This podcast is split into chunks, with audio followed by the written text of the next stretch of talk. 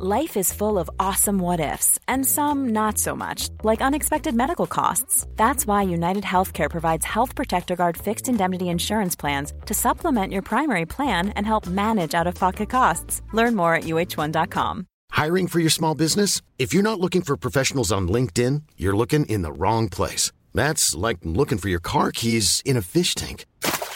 LinkedIn helps you hire professionals you can't find anywhere else, even those who aren't actively searching for a new job but might be open to the perfect role. In a given month, over 70% of LinkedIn users don't even visit other leading job sites. So start looking in the right place. With LinkedIn, you can hire professionals like a professional. Post your free job on linkedin.com slash people today.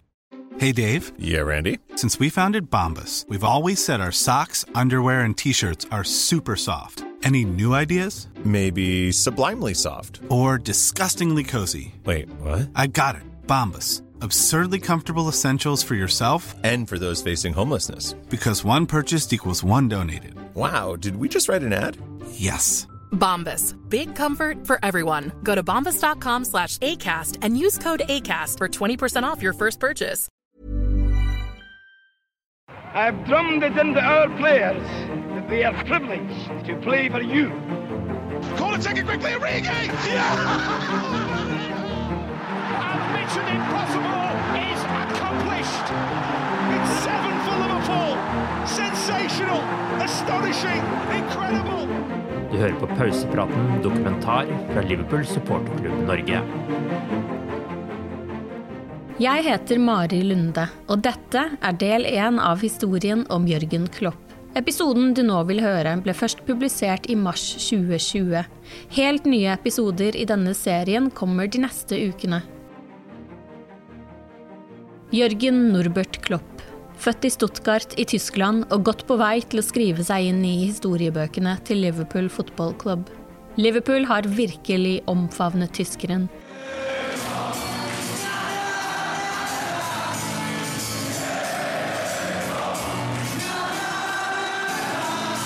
Her jeg sitter og skriver manuset til denne podkasten, kan jeg se rett ut på en svær graffiti av Klopp som er tegnet på en murvegg i Baltic Triangle-området i Liverpool. Maleriet har blitt et yndet fotoobjekt for supportere av et lag hvor manageren er en av de største stjernene. Liverpool er ikke den første klubben som har tatt tyskeren til sitt hjerte. Dette er historien om Jørgen Klopp. 16.6.1967 kunne Norbert og Elisabeth Klopp feire familieforøkelse på et sykehus i Stuttgart.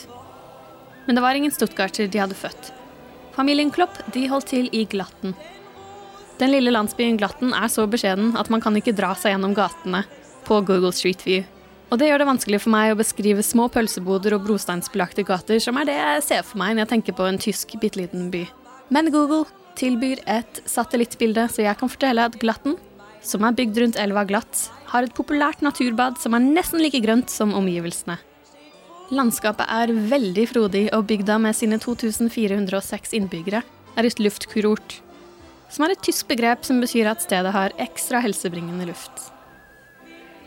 Her bor store deler av Klopp-familien enda, bl.a. Klopps storesøster, familiens mellomste, Isolde Klopp, som driver en frisørsalong. Og det var her Jørgen Klopp sparket sin første fotball.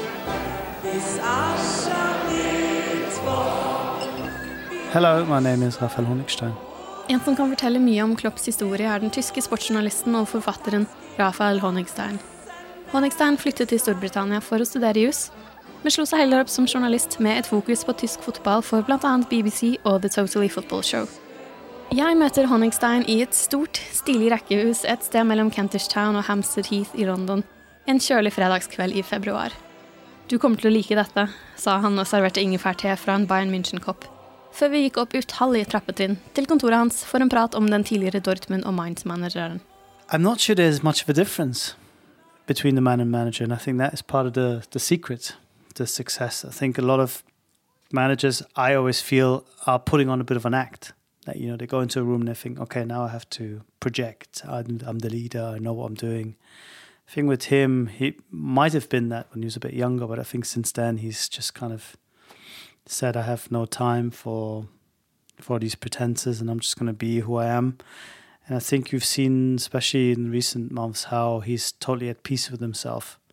And I think that comes from somebody knowing that what he does professionally really works, which I think has a great sort of calming effect on him as a as a person, and that calmness then comes back into the job as well. So there's a kind of a dynamic, positive effect going on, I think.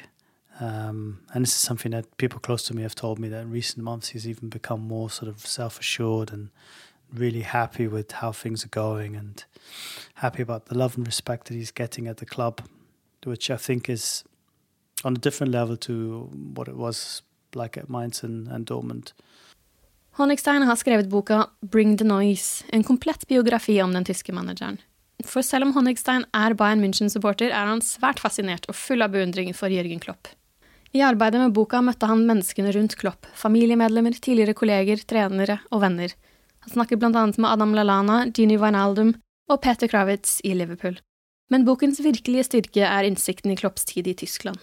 when I wrote this, when I wrote the Klopp book, it um, became quite clear to me that this was a book of two fathers in, in, many ways. One was his real father, who had a huge influence on him, and one was uh, his footballing father, his managerial father uh, in Wolfgang Frank. En historie om to fedre. Klopps pappa, Norbert Klopp, og trener og læremester Wolfgang Frank. Da Isolde ble født, la ikke pappa Norbert skjul på at han hadde foretrukket at hun var gutt. Men det hindret han ikke i å presse alle sine personlige sportsambisjoner på datteren. Hun fortalte til Honningstein at som femåring tok faren henne med til fotballbanen for å øve på headinger.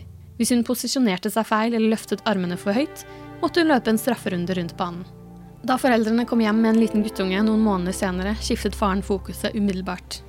Jørgen satte meg fri, forteller Isolde.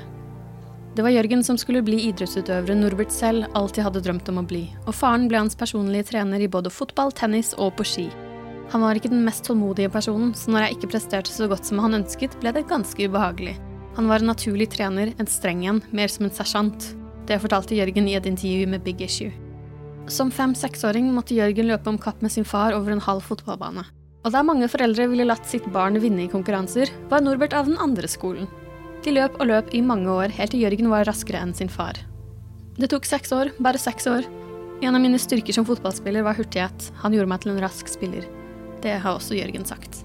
Faren levde ikke lenge nok til å se han gå fra spiller til manager for Minds. Men jeg er kristen, så jeg tror han har den beste tribuneplassen i verden. Klopp startet å spille for SV Glatten som seksåring. I et intervju med SVR i 2005 fortalte Klopp om tiden i Glatten. Det var fullstendig idyllisk. Det var bare fem-seks gutter på min alder, og vi var fotballaget, tennislaget og skilaget. Det var herlig, jeg hadde en super barndom. Som 15-åring ble fotballtalentet Jørgen fra Glatten signert av områdets mest kjente lag, TUS Ergensingen. Jørgen Haug, altså. Men Jørgen Haug trengte skyss for å pendle de 60 kilometerne mellom Glatten og forstaden til Rottenburg, og det var moren til Jørgen Klopp villig til å stå for.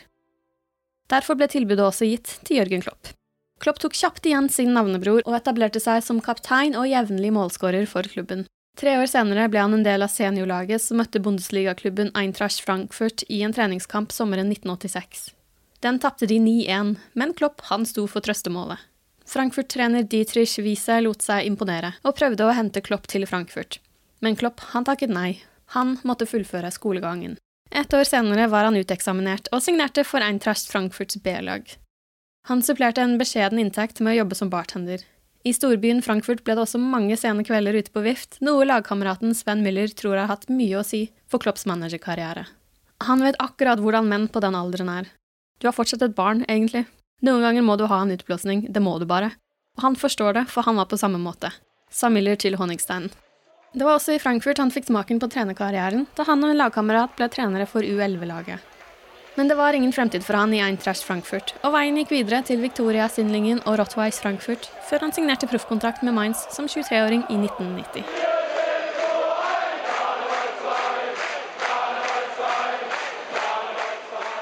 Det var beskjedne kår i Mainz på den tiden. Klubben lente seg på innsats fra frivillige ildsjeler. Kun administratoren var ansatt, og det på deltid. En frivillig sto for serveringen på stadion, mens stadionspeaker også opererte som daglig leder, og han solgte billetter. Klopp som fotballspiller var ingen elegant tekniker. Som han selv sa. Jeg kjente mine egne begrensninger bedre enn andre. For å oppsummere, i hodet mitt var jeg Bundesliga, mens i beina var jeg fjerdedivisjon. Resultatet ble Bundesliga 2. Det aksepterte jeg, og bli lei seg for det ville bare vært bortkastet, fortalte han der Tagesspiegel i 2012. På den tiden ville jeg betalt for å få spille fotball. Som spiss for Mainz løsnet det ganske bra for Kloppo, og hans største øyeblikk kom da han skåret fire mål i en 5-0-seier over RV Erfurt. Etter hvert ble han flyttet bakover på banen og etablerte seg som forsvarsspiller. Lagkameratene kan fortelle om en høylytt forsvarsspiller drevet av en ekstrem lidenskap for spillet og et voldsomt vinnerinstinkt. Jeg var mer redd for han enn for noen motstander. På trening ble han alltid valgt først, for ingen ville spille mot han.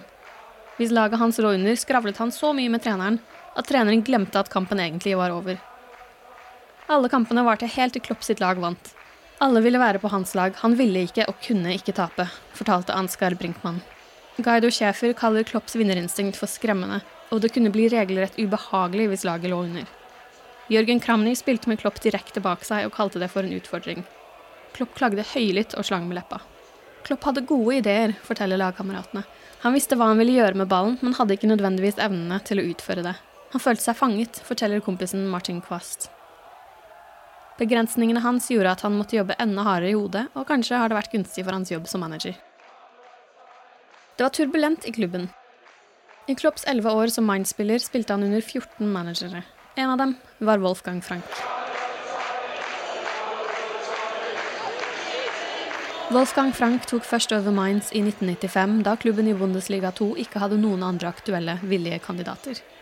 Frank tidligere fotballproff med 215 kamper i Bundesligaen, var svært inspirert av Arrigo Sacci og hans AC Milan. Det gikk trått de første månedene i Mainz, helt frem til Frank gjorde en taktisk og kontroversiell endring. Han innførte sonemarkering og ville spille uten en sweeper.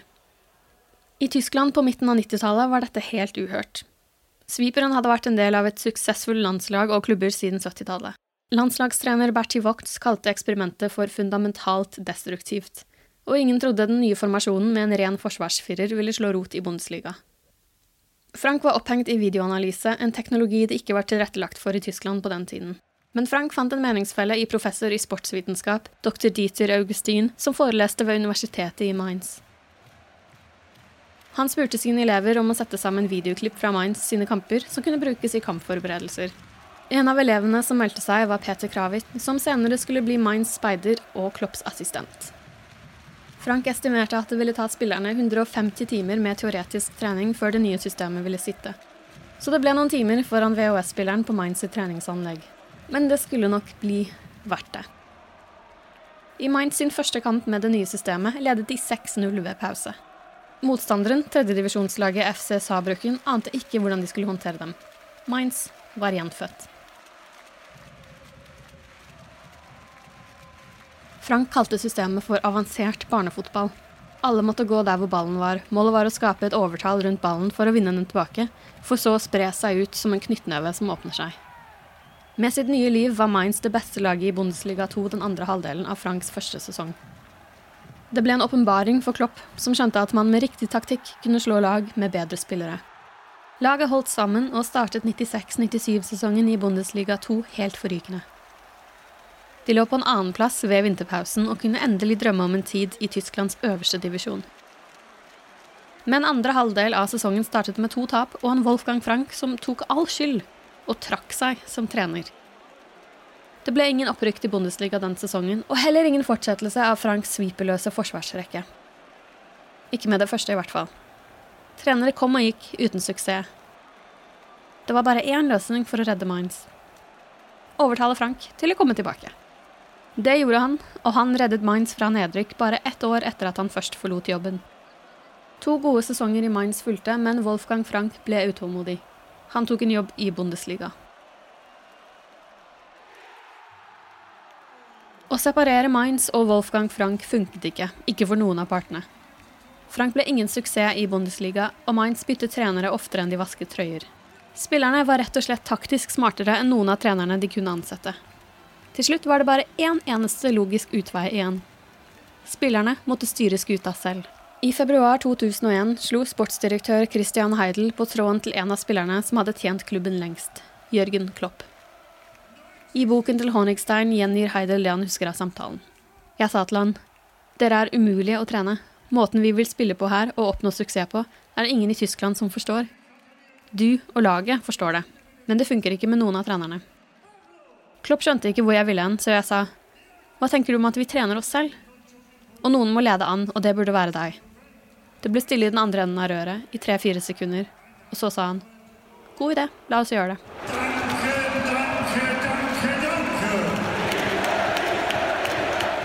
Klopp var klar til kamp. Heidel beskriver det første lagmøtet før en kamp. Jeg husker fortsatt stemningen i rommet. Han hadde aldri adressert et lag før. Aldri. Jeg var i litt bedre form på den tiden, litt slankere og hadde noen gitt meg et par fotballsko, hadde jeg løpt ut for å spille mot Duisburg etter den praten. Jeg hadde sett ti-elleve trenere før han, men det var ingenting sammenlignet med dette. De ville gå ut og spille med en gang. Det gikk som det måtte. Mainz vant 1-0 mot Duisburg. Et på papiret overlegent lag, som ikke hadde sjans mot Klopps Wolfgang Frank-inspirerte system. Through Klopp, I think Wolfgang Frank, at last, even though he's, he sadly passed away, received the recognition for his for his work, but it needed the apprentice to kind of fulfill what the master had started, and the master wasn't quite able to do for for many reasons. Og på tribunene elsket de det de så i den ekstremt engasjerte treneren på sidelinjen. Of course, at Mainz he was, I think, a lot more energetic on the touchline, quite wild, you know, shouting at his players, shouting at the referee all the time, getting into scrapes. Um, I think he's calmed down quite a lot. På treningene sto Klopp på en liten bakketopp for å få overblikk. Han hadde ikke vent seg til å følge kamp og trening fra sidelinjen ennå, så han måtte opp i høyden for å få overblikk. Spillerne spilte 11 mot 11, og når Klopp låste i fløyta, måtte de fryse. Stå helt stille der de var. Klopp løp så ned fra bakketoppen og viste hvor avstandene var blitt for store, eller hvordan de burde posisjonere seg. Klopp trengte en assistent i jobben en han kunne betro seg til. Valget var enkelt. Tidligere lagkamerat Psycho Buvac var førstevalg, andrevalg og tredjevalg. De spilte sammen i Mainz i tre år og hadde gitt hverandre en pakt. Den første som fikk en stor trenerjobb, ville hente den andre inn som assistent. Senere kalte Klopp ansettelsen av Buvac som hans beste signering noensinne. I Klopps første hele sesong var Mainz ett poeng unna opprykk til Bundesliga. I Klopps andre hele sesong mistet Mainz opprykk til Bundesliga på målforskjell. Mens på Klopps tredje forsøk gikk det endelig hele veien, til tross for en trøblete sti. Stjernespiss Andrij Voronin hadde forlatt klubben før sesongen da han rett og slett var for god for Bundesliga 2. Fire år senere skulle Voronin signere for Liverpool, og det ble bekreftet at nivået hans nok lå et sted mellom Bundesliga 2 og Premier League. Men nok en gang varte spenningen helt til siste serierunde. Hvis Mainz vant sin kamp og Alemania Aschen ikke vant, rykket Mainz opp. For å fjerne presset fra spillerne hang Klopp opp et svært banner i garderoben, hvor det bare sto ja. Meningen var å få fokuset på gleden de kunne føle hvis det skulle gå hele veien, i stedet for behovet for å få tre poeng. Mainz gjorde jobben. Med bare 54 poeng hadde de den laveste poengsummen noensinne for opprykk til Bundesliga, men det var det få som brydde seg om. Vi er in der erste liga! Det var helt utrolig det Klopp hadde fått ut av laget. Laget besto ikke av stjernespillere, men en samling brukbare spillere. En av dem var brasilianske Tony da Silva, som Klopp kalte den eneste brasilianeren som ikke kan spille fotball. Spillerne var villige til å gi alt for laget, for supporterne, for treneren. Dermed ble det opprykk til en av Europas beste ligaer.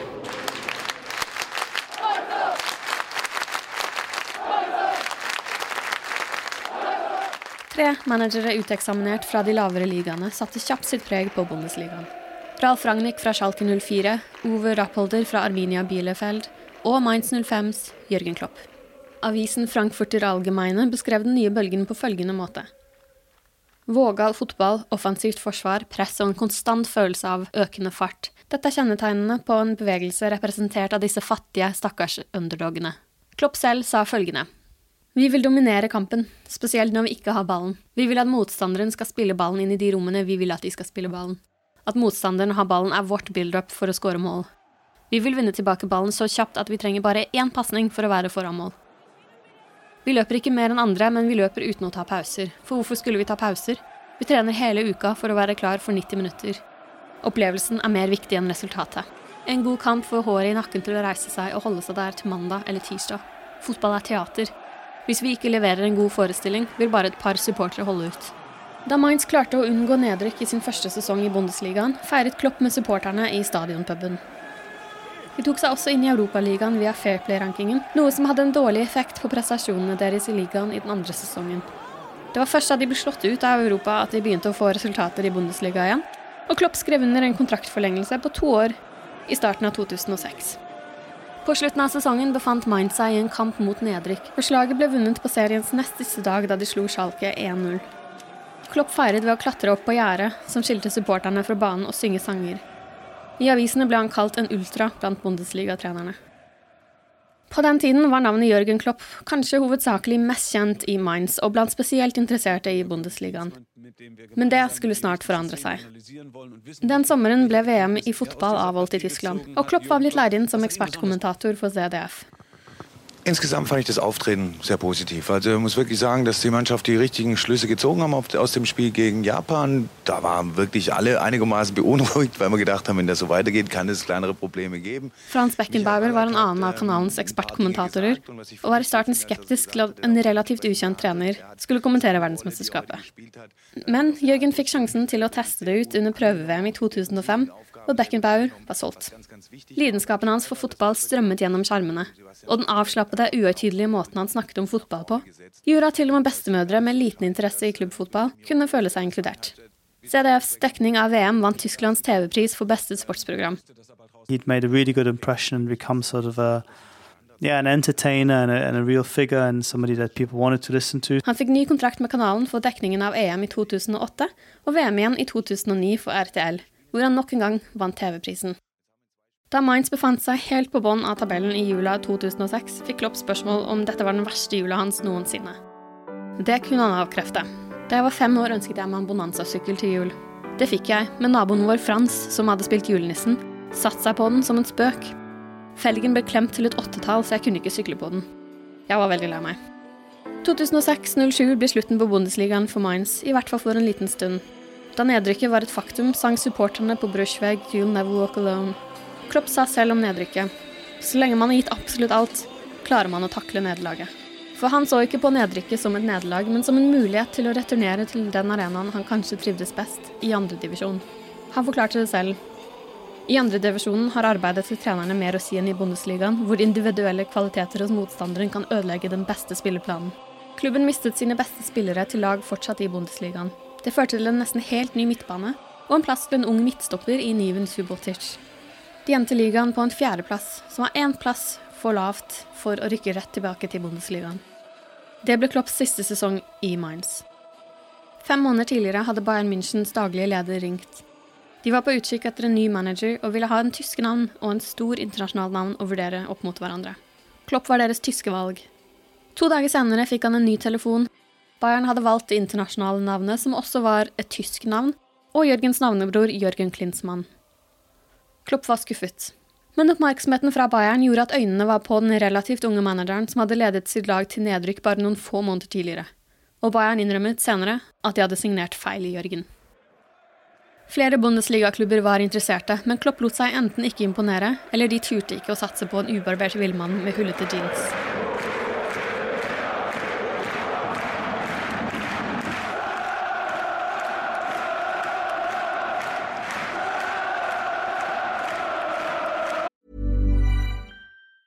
Life is full of awesome what ifs, and some not so much, like unexpected medical costs. That's why United Healthcare provides Health Protector Guard fixed indemnity insurance plans to supplement your primary plan and help manage out of pocket costs. Learn more at uh1.com. It's that time of the year.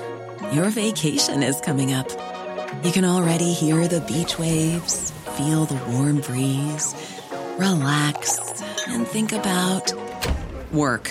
You really, really want it all to work out while you're away. Monday.com gives you and the team that peace of mind. When all work is on one platform and everyone's in sync, things just flow wherever you are. Tap the banner to go to Monday.com.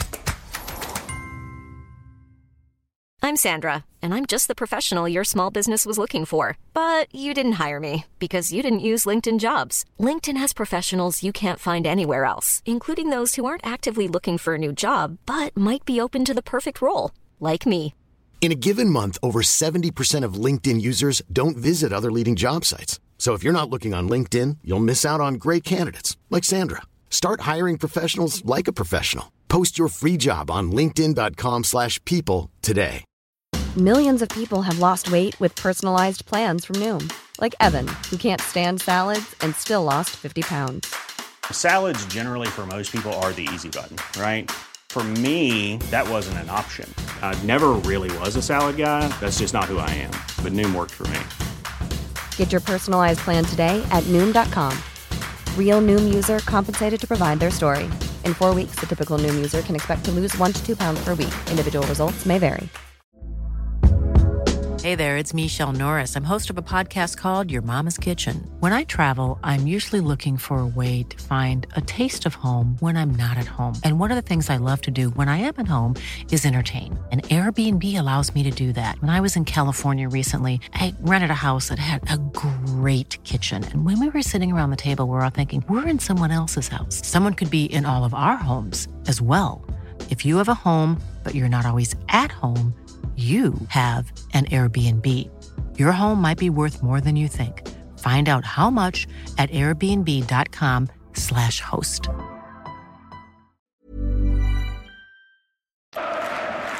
Borussia Dortmund var en klubb uten penger. De hadde gjort en Leeds og sto i stor fare for å kollapse under en kjempegjeld da de ikke klarte å kvalifisere seg for Champions League i 2005. Det var et problem for en by som Dortmund. Eivind Biskås Sunde er Bundesliga-kommentator i Viasat, og han forklarer hvorfor. Det er en sånn klubb som betyr veldig mye for byen Dortmund. Så det er jo en Altså, det er byens lag, og det er det Dortmund dreier seg om. Dreier seg om fotball. Og før dreide det seg om på en måte det å jobbe i gruvene og jobbe på stålverk og sånn. Eh, mens den industrien er blitt mer og mer borte.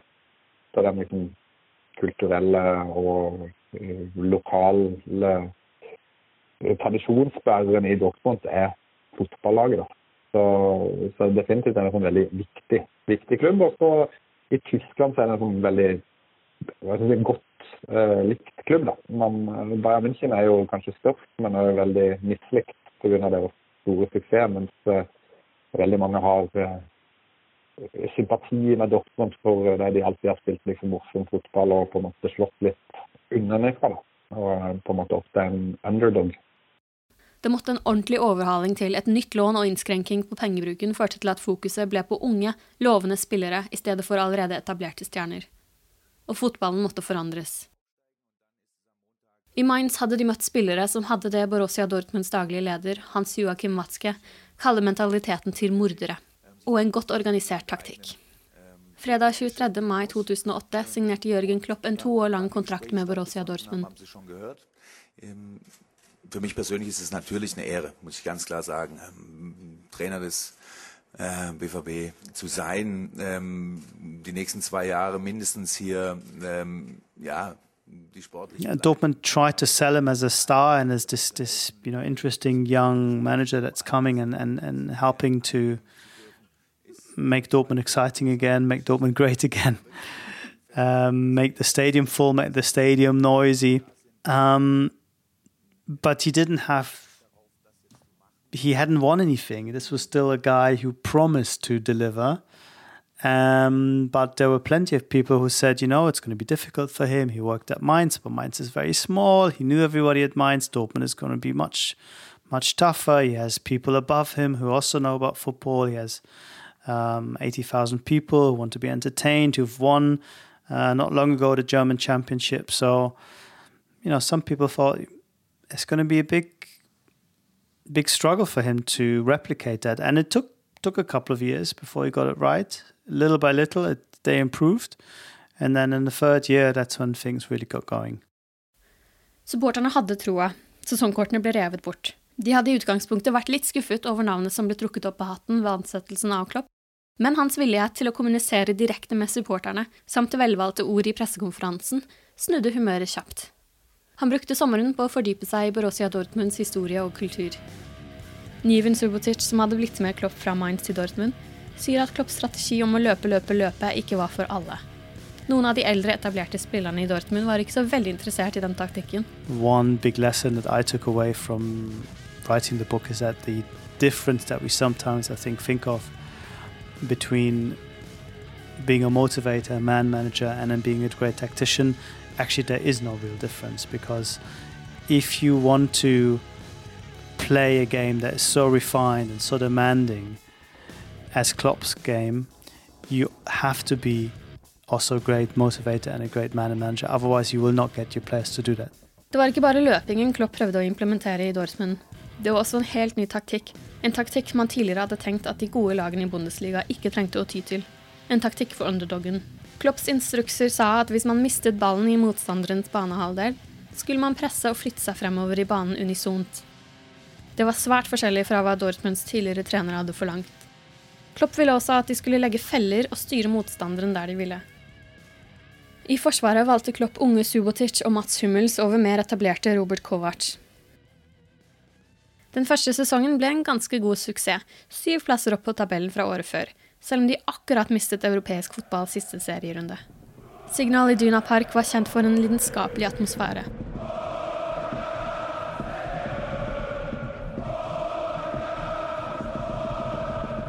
Den gule veggen, Europas største tribune med 25 000 ståplasser, hadde appellert til Klopp. Den nye manageren klarte å finne tilbake til følelsen av samhold, at spillere, trenere og supportere ble en enhet. Den, eh, den, de, de, var jo på en måte med å bygge opp noe nytt. altså Klubben hadde vært langt nede, hatt mye gjeld, nesten stått på konkursens rand og sånn. Eh, og så var det han og et par andre, sånn som Vaske og Mikael Sorskveld, som han jobba sammen med da. Eh, de, de, ble liksom en sånn trio som greide å dra hele klubben i riktig retning. Da, og skapt entusiasme, eh, positivitet og liksom en tro på at det var mulig for, for den klubben å reise seg igjen. Da. Og det, det tror jeg var en veldig viktig brikke.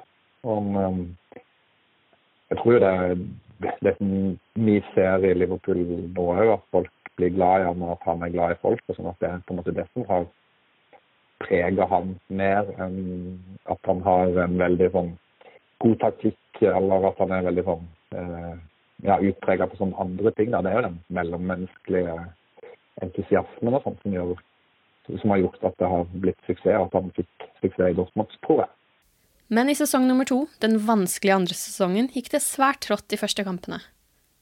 De registrerte deres dårligste åpning på en sesong på 24 år. Etter et tap mot Schalke 04 på hjemmebane møtte 100 sinte supportere opp ved spillebussen for å forlange en forklaring. Og Klopp lyttet, og forklarte, i 15-20 minutter. Da samtalen var over, var de fremmøtte fornøyd med det som ble fortalt. For Klopp var ikke stressa over de dårlige resultatene, i hvert fall viste han ikke det utad.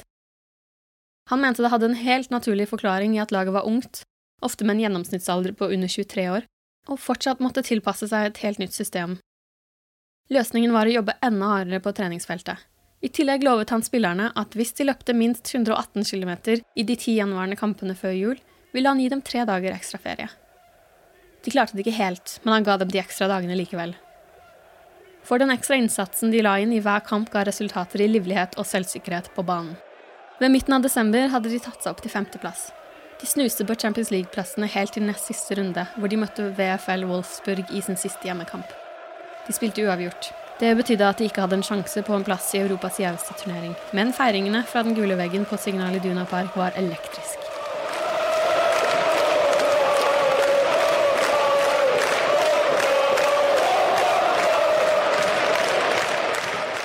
Klopp sa han aldri hadde følt på en lignende støtte før. Til tross for at det ikke ble mesterliga, ble det Europaliga for første gang på syv år. Sommeren 2010 gjorde Borussia Dortmund noen genistreker på overgangsmarkedet. De hentet en ung, spennende polakk fra Lech Poznan i Robert Lewandowski. Den samme sommeren kom også Shinji Kagawa og Mario Götze. Etter to fulle sesonger hadde laget tilpasset seg den nye taktikken. I boka til Honigstein forteller Mats Hummels vi sluttet å stille spørsmål. Vi visste akkurat hva treneren ville at vi skulle gjøre, og det var faktisk morsomt å spille på den måten. Nesten avhengighetsskapende. Han sa alltid 'løp som om det ikke var noen morgendag'. Det hadde blitt naturlig for oss. Lagkameratene hadde også blitt akkurat det. Kamerater. Gode venner som kunne henge sammen på fritiden. Treningsuken så nesten alltid lik ut. Mandag var hviledag. Tirsdag var det en gymøkt, sprinter og four-side-kamper. Onsdag var det eleven aside, to halvdeler på ti minutter. Disse kampene var ekstremt utmattende, og Subotic kalte de verre enn vanlige ligakamper, da det ikke var noe pusterom. Torsdag var det skytetrening for alle sammen, inkludert forsvarsspillerne. Og på fredager øvde de på dødballer. Tre måneder inn i sesongen lå Borussia Dortmund på toppen av tabellen, og det gikk opp for dem at dette kan jo faktisk gå. Men Klopp nektet å høre om det. As a as a journalist, you want to understand kind of the mindset and the feeling of of the players and of him, and he does everything not to talk about that. He he wants to be in the moment. He wants to just focus on the next game, and he tries his hardest to push all these thoughts and feelings aside, and certainly not fuel this this these flames by talking about it in public. How how he feels or how he you know is excited and all this kind of stuff. He finds that all hugely counterproductive. So um, as a, as a reporter, it's very difficult to get anything out of him. But that is again that's part of the way he works and always has, just to kind of pretend there is no bigger picture, pretend that really all you do is focus on the next game, and if you just win enough of them, then maybe one day you wake up and you're a champion. Tre kamper før sesongens slutt, i en 2-0-seier over Nürnberg, var ligatittelen et faktum. Og Dortmund ist Meister 2011 zum siebten Borussia Dortmund hadde vunnet ligaen før, senest i 2002. Men ved tidligere anledninger hadde de vært favoritter, det var forventet. Klubben hadde ikke nylig gått gjennom en økonomisk kollaps som nesten kjørte den i grus. Derfor var seieren i 2010-11 ekstra spesiell, ekstra emosjonell for supporterne, som bare et par år tidligere hadde fryktet at de kanskje ikke engang skulle ha en klubb å holde med. Triumfen ble en øyeåpner i et fotball-Tyskland som hadde utviklet seg i en ganske konservativ, traust tral. Klopps lag viste viktigheten av et fungerende kollektiv. Viktigheten av en svært nøye indoktrinert spillestil som fikk unge, billige spillere til å levere resultater over evne. Selv utenfor landegrensene ble det lagt merke til. Landslagstreneren til Italia dukket opp på trening en dag for å se hvordan de gjorde det. Det minnet dem om Sachi, hadde han fortalt Klopp, som må ha blitt varm om hjertet av at sammenligningen ble dratt til hans egen læremesters læremester. De fleste spillerne ble værende i klubben, med unntak av Nuri Sahin. Inn for å erstatte han kom Ilkay Gundogan. Borussia Dortmund svarte på å vinne ligamesterskapet i 2010-11 med å vinne det nok en gang i 2011-2012-sesongen. Denne gangen med en rekordhøy poengsum på 81 poeng. Mats Hummels forklarte hvordan det var å spille for Dortmund på den tiden. Vi dominerte motstanderen i kloppstil. Vi visste at de ikke hadde noen sjanse mot oss. I en kamp mot Köln lå vi under 1-0 til pause, og ingen visste hvorfor. Vi vant 6-1. Vi var så gode at det hadde ingenting å si at motstanderen tok ledelsen. Dortmund vant også cupmesterskapet, hvor de møtte Bayern München i finalen og knuste dem 5-2. Det var første gang på 23 år at de vant cupen. Men utklassingen kunne ikke komme uten en reaksjon fra Bayern. Og den kom kjapt. Bayern knuste egen transferrekord den sommeren. De adopterte deler av spillestilen til Borussia Dortmund og vant Bundesligaen med 91 poeng sesongen etter. Nok en ny poengrekord. De tok også den tyske cupen. Selv endte Dortmund på en andreplass, men det var på den europeiske arenaen det virkelig skjedde for de gule og sorte det året. De vant gruppa si i Champions League og tok seg gjennom runde etter runde. Men det som hadde vært en fest for supporterne, fikk brått en bitter smak i munnen. Denn jetzt ist es offiziell. Mario Götze wechselt im Sommer zum FC Bayern. Götzes Vertrag Et par dager før semifinalen mot Real Madrid skrev tyske Bild at Mario Götze skulle signere for Bayern München og ville bytte beite så fort sesongen var over. 20-åringen hadde vært i Dortmund i tolv år. Avgjørelsen kom som et sjokk. Klopp har sammenlignet det med et hjerteinfarkt. Han var målløs. Götze ble Pep Guardiolas første signering som Bayern-trener. Han skulle ta over klubben den sommeren. I Dortmund, hvor de øverst oppe i hierarkiet naturligvis visste om Götzes avgjørelse, var de mest opptatt av hvem som hadde lekket nyheten, to dager for en av klubbens største kamper. Hvem gjerningspersonen var, skulle man aldri finne ut av, men flere med Dortmund-tilknytning spekulerte i at det var Bayern selv som hadde lekket det. Men overskriftene i Bild var det ingen som brydde seg nevneverdig om i Borussia Dortmund, skulle det vise seg, der de rullet over Real Madrid i en overlegen 4-1-seier.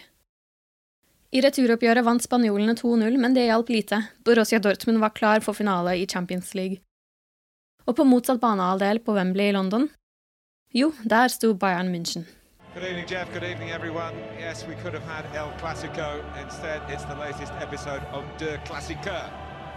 A real domestic rivalry in a continental context before a global audience. En heltysk finale for aller første gang. Før finalen var det en tydelig irritert Jørgen Klopp som uttalte seg til pressen. Vi er ikke et supermarked, men de vil ha spillerne våre fordi de vet at vi ikke kan betale dem de samme lønningene, sa han om den rike rivalen, før han sammenlignet dem med en James Bond-skurk. Men dette var ikke to omganger med fotball som skulle følge et romantisk Hollywood-narrativ hvor underdogen skulle ta rotta på sin rike overmann mot alle odds. Men det var Dortmund som kom best i gang, og kunne ha ledet både 2 og 3-0 tidlig. I stedet var det Bayern som skulle få første nettkjenning, med et Mandzukic-mål ved 60 minutter. Åtte minutter senere utlignet Gundogan fra straffemerket. Men det begynte å gå trått for Dortmund, som ikke kunne matche energien fra Bayern mot sluttminuttene. Og i det 89. minutt satte vinnermålet fra Arjen Robben.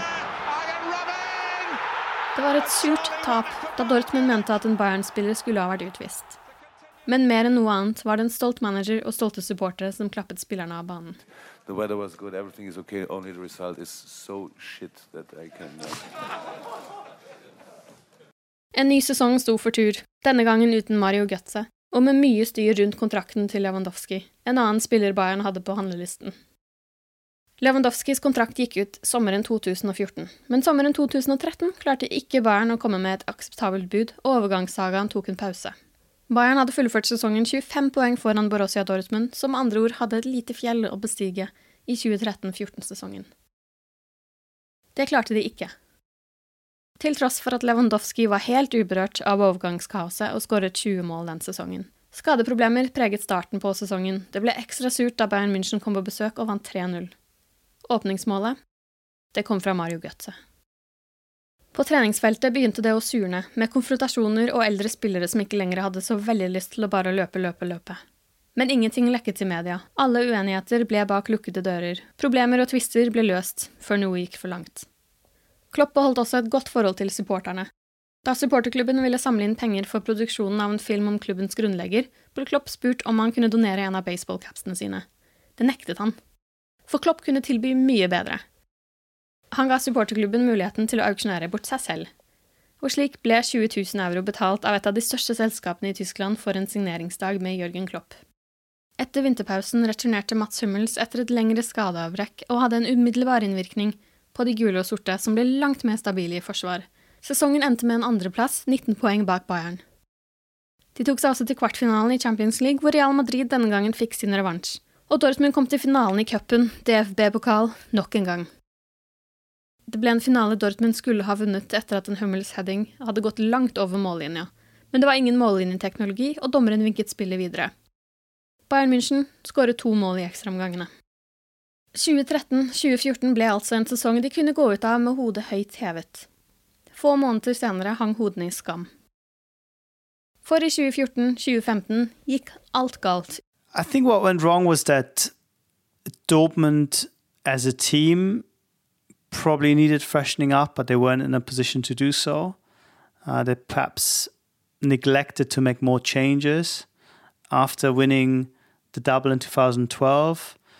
Um, I think that everyone thought that the team is still young enough and and and, and good enough to co- keep competing, but ultimately losing key players every single year and trying to replace them, I think made it very difficult to to keep going at that point.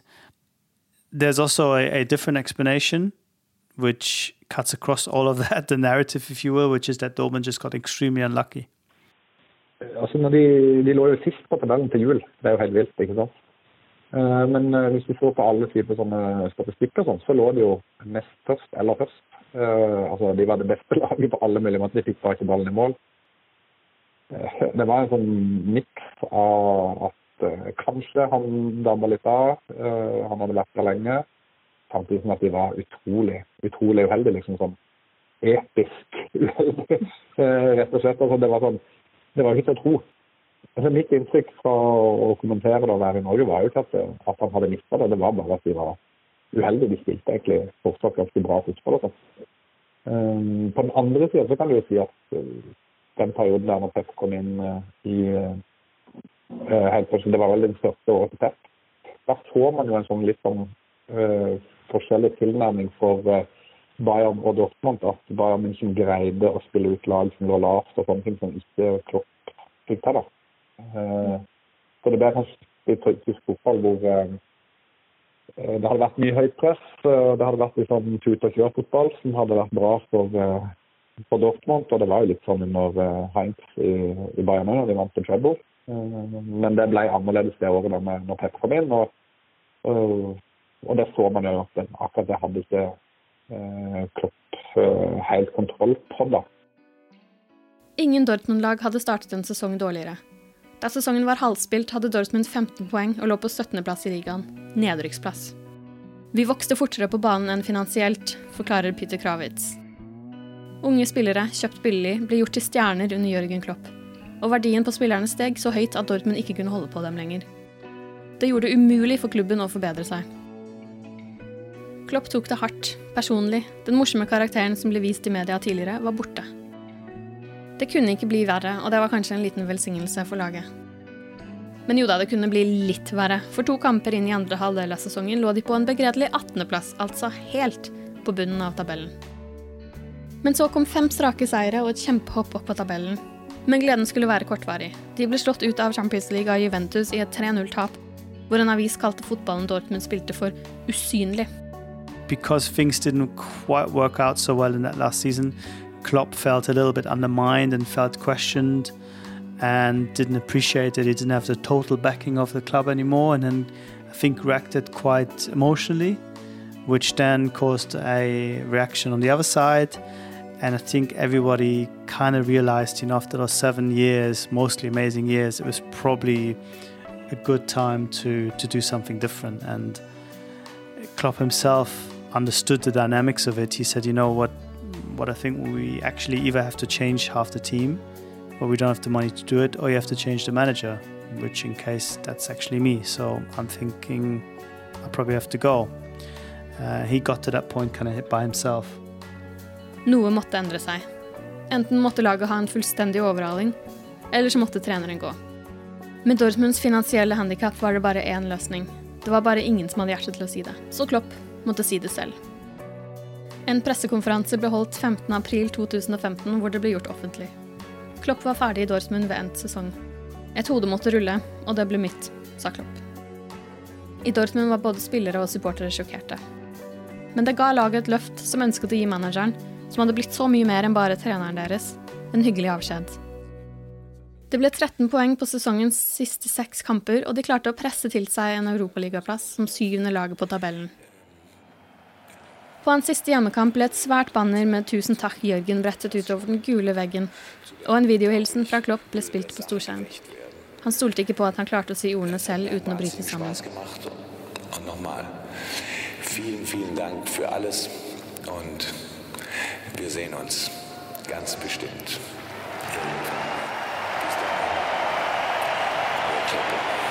Dortmund hadde én siste mulighet til å gi Klopp en pokal i sin siste sesong. De hadde tatt seg til finalen i cupen, hvor de hadde slått ut Bayern München på veien. Motstander var Wolfsburg, som vant 3-1. Spillerne skammet seg, supporterne var skuffet, men på banketten etter kampen sa Klopp å vinne i dag hadde vært altfor amerikansk. I del to. Selvfølgelig skulle det bli Liverpool og Jørgen Klopp. To see just how little he got out of the crowd. Kampen ble et nøkkeløyeblikk for Klopps tid på Mercyside. There was just no doubt in my mind that Liverpool were going to win. Så hvordan ser fremtiden ut? The best word I can say, but uh, will describe this was boom. Ooh, what was this? It was really good.